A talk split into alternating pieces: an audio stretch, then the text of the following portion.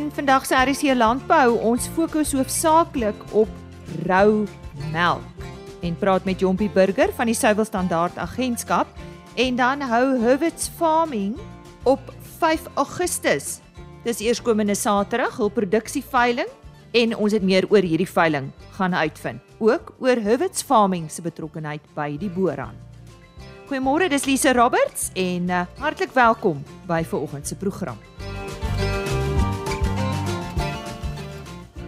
Vandag gesels ons oor melk, rou melk om presies te wees. Nou uh, ons weet almal dat melk baie gesond is en uh, net soos wat dit gesond is, kan die ander kant en dit is die bakterieë wat in ongepasteuriseerde melk uh, voorkom ook uh, groot risiko's inhou vir menslike gesondheid. Om ons meer daarvan te vertel, uh, verwelkom ons graag vir Jompie Burger van die Suiwel Standaard Agentskap.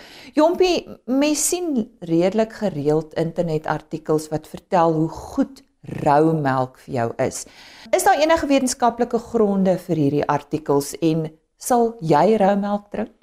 O, gat. ek ek dink belangrik Lise die die vraag oor is rou melk gesond vir jou? Inderdaad is dit gesond, maar ons moet onthou dat melk wat uit 'n gesonde koe kom, wat 'n goeie gesonde eier het en deur goeie voedingsregime ehm um, na gekyk word. Uh, uiteraard is daai melk wat in die koe se speen uit in in invloei is 'n uh, is so naans steriel as wat jy kan kom. Met ander woorde, ons aanvaar dat daai is goeie melk, is gesonde melk, maar sodra die melk dan nou deur die speenkanaal kom, en dit word aan die omgewing blootgestel dan verander die prentjie heeltemal. So dit is dit is die probleem wat ons het dat jy sit met omgewingsfaktore wat 'n groot impak het op die mikrolading van die melk en dit per se is die probleem waarvan ons praat. So as jy praat van is melk goed vir jou? Ja, die die mineraalsamestelling, die mikronutriënte is baie belangrik, verseker, maar die mikrobiologie is waar die die probleem inkom en dit is vir daai rede dat daar 'n groot vraag eintlik bestaan oor die die beskikbaarmaking vir rou melk vir menslike gebruik. So is dit wettig in Suid-Afrika om rou melk te verkoop en en hoe word hierdie ongepasteuriseerde melk gereguleer? Goed, die die melk per se net soos soos uh, ander voedsel word onder die wet op voedingsmiddels, ontsmettingsmiddels en skoonheidsmiddels word dit hanteer en dit is 'n 'n 'n bevoegdheid wat op derde vlak regering afgewentel is aan die plaaslike owerhede. Met ander woorde, dit is die gesondheidsinspekteure of omgewingsgesondheidsbeamptes wat daai gedeelte van die wetstoepassing moet hanteer. So mag jy roumelk verkoop? Ja, maar slegs in areas waar dit in terme van die wet en die die bepaalde regulasie 1555 toegelaat word. So die tipiese prosedure wat gevolg word deur 'n munisipaliteit, 'n plaaslike owerheid, is om aansoek te doen by die direkteur-generaal vir die verkoop van rou melk en in deur die aansoek moet daar bewys gelewer word dat so plaaslike owerheid dan wel geskik is die oor die menslike hulpbronne beskik en die ander vermoëns om daai rou melk verkoop dan te reguleer en wetstoepassing te doen. Nou Jompie, julle die Suiwel Standaard Agentskap bestudeer roumelk vanuit alle hoeke in Suid-Afrika. Julle het 'n uh, kommerwekkende ontdekking gemaak. Vertel ons daarvan. Die die moniteringswerk wat ons doen by die Suiwel Standaard Agentskap is iets wat ons doen as 'n projek. En die projek is vir ons baie belangrik. Dit is 'n statutêre projek wat deur Melk SA befonds word En eh, daardeur poog ons om te kyk wat is die kwaliteit van melk ehm um, reg deur die land op nasionale vlak soos die verbruiker dit dan in sy mond sal sit. So eerstens kyk ons na melk in verskillende kategorieë. So vir die verbruiker, ja, ons moniteer rou melk, melk wat gepak is as rou melk of in groot mate. Dit is hierdie bulk tap tapmelk wat jy sal kan koop. En dan is dit uiteraard ook dan hitte behandelde melk of dit gepasteuriseer is of ultra hoë temperatuur of 'n uh, lang ehm uh, verlengde uh, rakleeftyd melk soos wat ons noem ESL melk. So daai melke word almal deur ons getoets en dan ook die melkprodukte. Ehm um, wat ons probeer bepaal in hierdie projek is om te kyk deurgaans hoe voldoen die melk aan die nasionale gesondheidsstandaarde aan produksamenstelling en dan ook natuurlik meteorologie. Dan is daar ander aspekte wat sal bykom. So interessant genoeg, as ons 'n roumelk monster sal ontleed, dan bevat dit ongeveer 13 verskillende analises op een monster wat ons ontleed.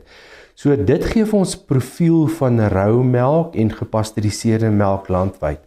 Die verkope van roumelk is nie so groot nie. Dit maak 'n redelike baie klein persentasie uit.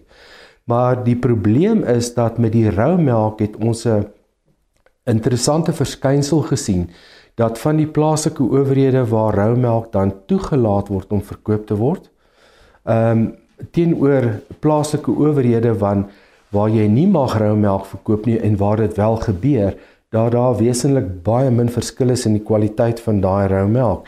So, wat is die rede tot ons kommer is? Die vlak van patogenisiteit wat die melk dan ongeskik maak vir menslike gebruik. Ons kan nie van die feit af weghardloop dat ehm, um, brucellose is 'n wesenlike probleem in sekere provinsies in Suid-Afrika. Dis as 'n voorbeeld so die inname van enige patogeen wat uh, sê nou maar soos Brucella abortus is, het 'n baie geweldige negatiewe impak op menslike gesondheid en veral swanger vrouens. So vir daai rede en uh, meegaande ander patogene is dit gevaarlik om melk in te neem waarvan jy nie weet wat die status is in terme van voedselveiligheid nie. En uh, ek dink is tyd dat ons regtig waar hierdie goed in baie erns begin aanspreek as plaaslike owerhede. Ons werk baie nou saam met die plaaslike owerhede om te kyk na die kwaliteit en die voedselveiligheidsaspekte van roumelk. Sekerlik 'n uh, nie goeie wetstoepassing nie.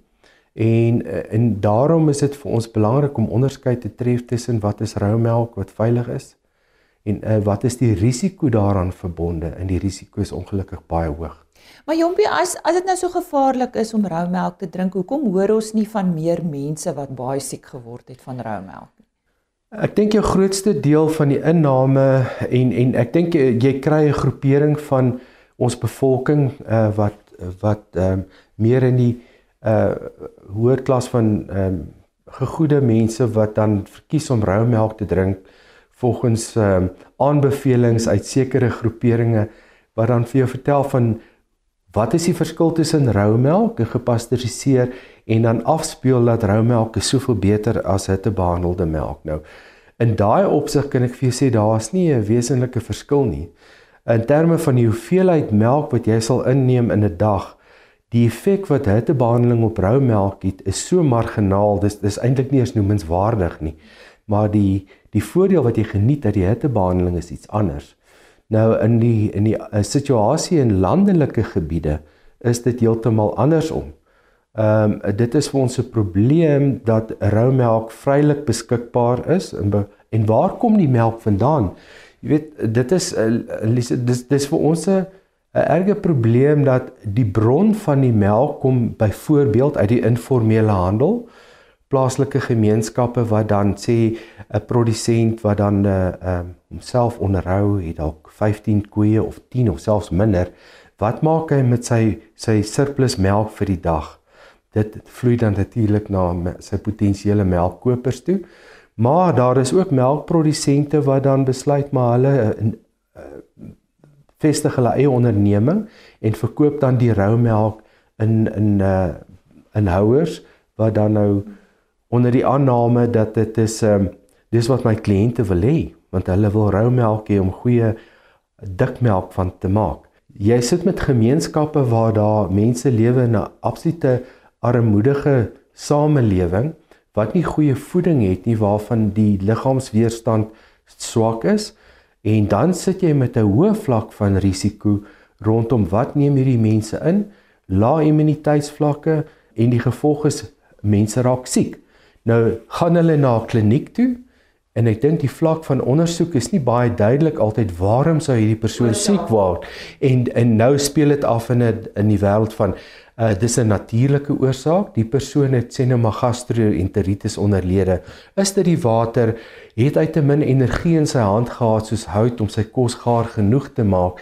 En uh die die konsep van beheer toepas na en dit is miskien reaktief is nie daar nie Ek het so ruk terug op YouTube na 'n potgooi geluister ja. van die Verenigde Koninkryke waar hulle jou aanmoedig om produkte te koop wat van rou melk gemaak word want dit is eintlik gesonder vir jou. Is dit veilig? Ja. Dis 'n baie interessante vraag. As jy kyk spesifiek na die regulasie, nou praat ons nou die regulasie Interpol 5 wat uh, melk en melkprodukte reguleer uit 'n voedselveiligheidsoogpunt.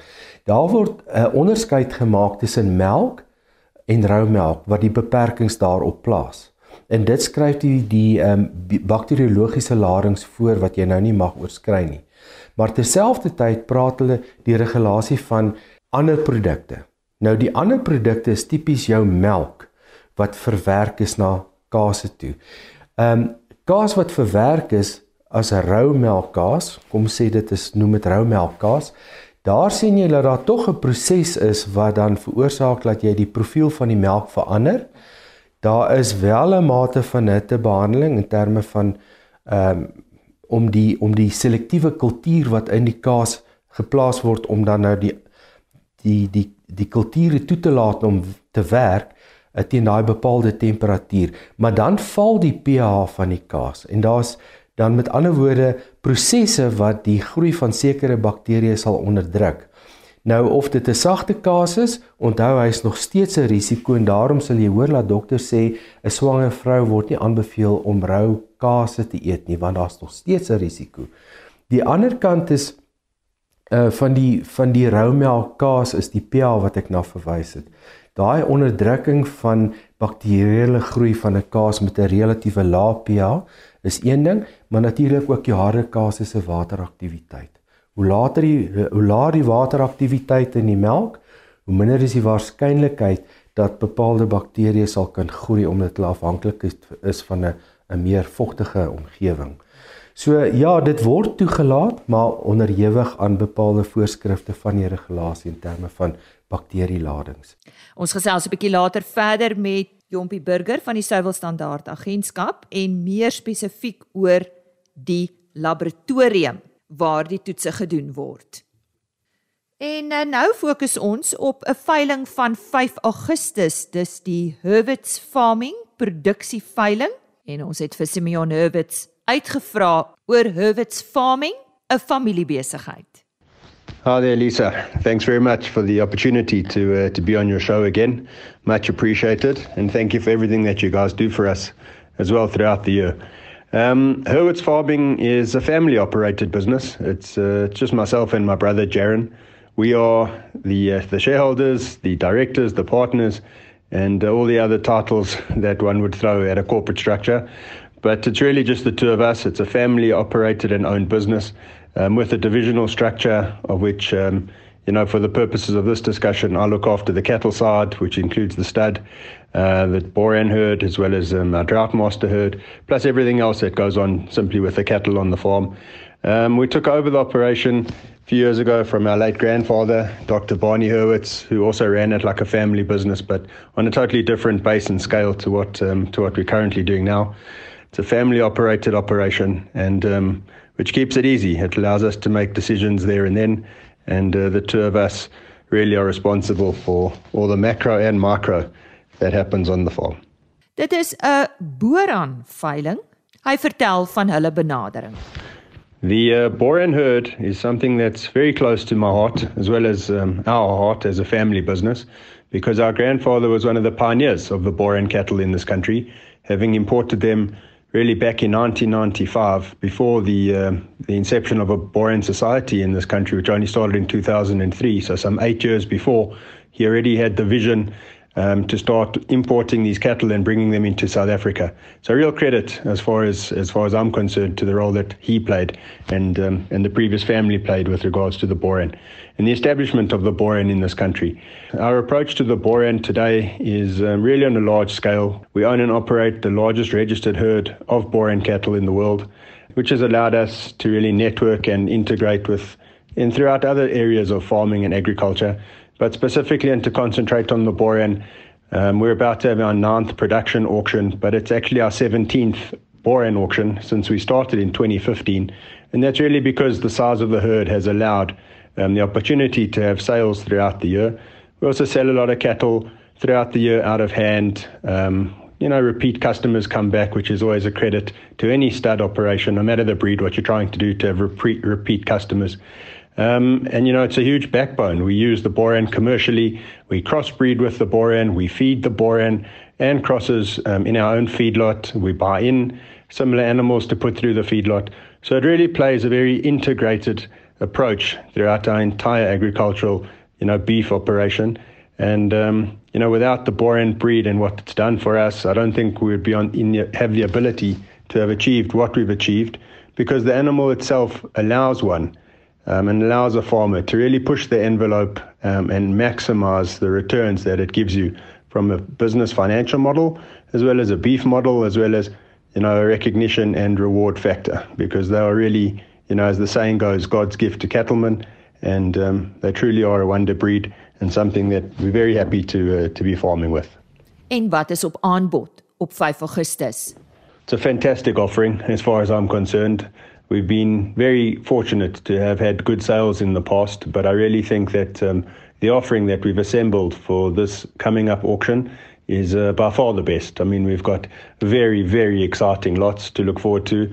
Um, you know, we've marketed it nicely, the Battle of the Brothers, which I think is going to be yeah, something really exciting to watch. They are full brothers of the Bull Jumbo that we sold last year for the record price in the breed of 2.3 million rand. So these are his two brothers. We've got uh, sisters that are going to go head to head against each other. And then in general, the, the entire offering is really amazing. Um, so in total, there's about 50 SP lots, including semen of the one and only Picasso, who is world famous, I think, as a, as a Boran bull. Um, yeah, I don't think anybody who's not in agricultural beef farming hasn't heard yet of the of the bull Picasso. So his semen will go on auction again. He's currently the record price semen holder in the breed uh, 33,000 Rand a straw, which is a whopping price. So we will see what happens with that soon. Um, and then we've got a nice commercial offering as well. So we've got some commercials crossbred using boron as the denominator. And then also this year we have some guest sellers that are joining the sale for the first time. We've got Mostine Ranch that are joining us. Um, and then the regular on the team is Henk Buerter from BFT Borana. And Peter Ginnis will also be um, joining us this year with some exciting commercials. So, all in all, I think the quality of the sale is going to be really high. Um, the offering is nicely balanced, certainly something for everybody. The bulls on offer, I think, are exceptional. Some of them proven stud bulls that we've used, others are certainly potential herd sires for any herd. So, really, something that um, exciting, something that we're proud of, and I think something that um, the uh, the customers on the day of the sale will be pleasantly um, surprised with and excited about at the same time. Simeon vertel ook waar die veiling plaasvind en wie betrokke is. The auction will take place in the Bullring, the Bullring auction house which is on our farm right at the entrance to our farm, the main entrance, which is on the N17 highway in Mpumalanga between Bethel and Ermelo. The little dorpy is called Darvel. Um, and that's where our base is and that's where our cattle run and that's where our auction yard is. It's become well known for our own auctions as well as you know we host other people's auctions at the same time there. So that's where it'll take place on the 5th of August at 11 o'clock in uh, in the morning. It'll be online as well with Swift V as well as with Meerkat, both online platforms. They've become good friends of ours, and uh, we use both of them. And um, yeah, without our sponsors, without our sponsors, we could never be able to uh, to pull off such an auction. Um, our main headline sponsor this year, once again, is Claas South Africa and from the Kempston Agri Group. Um, and they've been terrific to us. Really, since inception, nothing's been too big or too small for them. They send equipment up for our display as well as uh, assist a lot. But all the sponsors in general really pull together and uh, allow us to pull off an auction in the manner that we've become used to. So we uh, would like to say thank you in every platform um, to our sponsors for all of their help and hard work.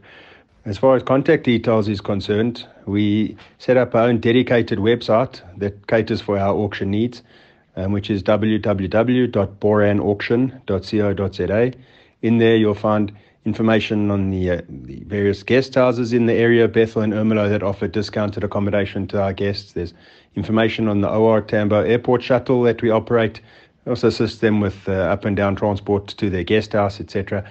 Information on the cattle is also available there you know, social media today encapsulates all of the information that people would look for. So we're we're easily accessible and found on Facebook and on Instagram, as well as my contact details, my farm manager's contact details are all there.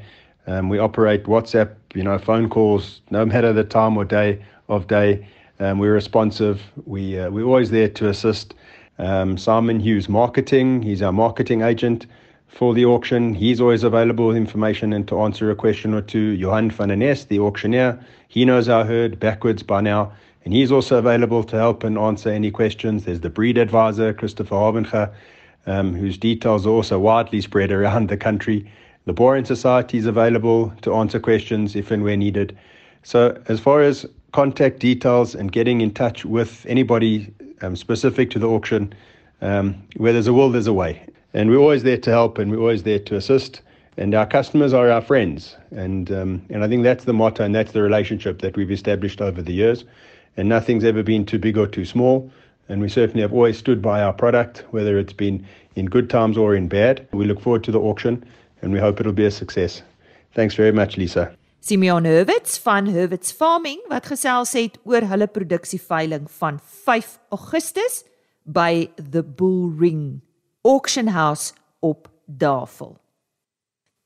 Ons gaan voort met ons eh, gesprek oor roumelk en uh fokus meer spesifiek op die laboratorium waar die toetse gedoen word. Weer aan die woord, Jompie Burger van die Suiwel Standaard Agentskap.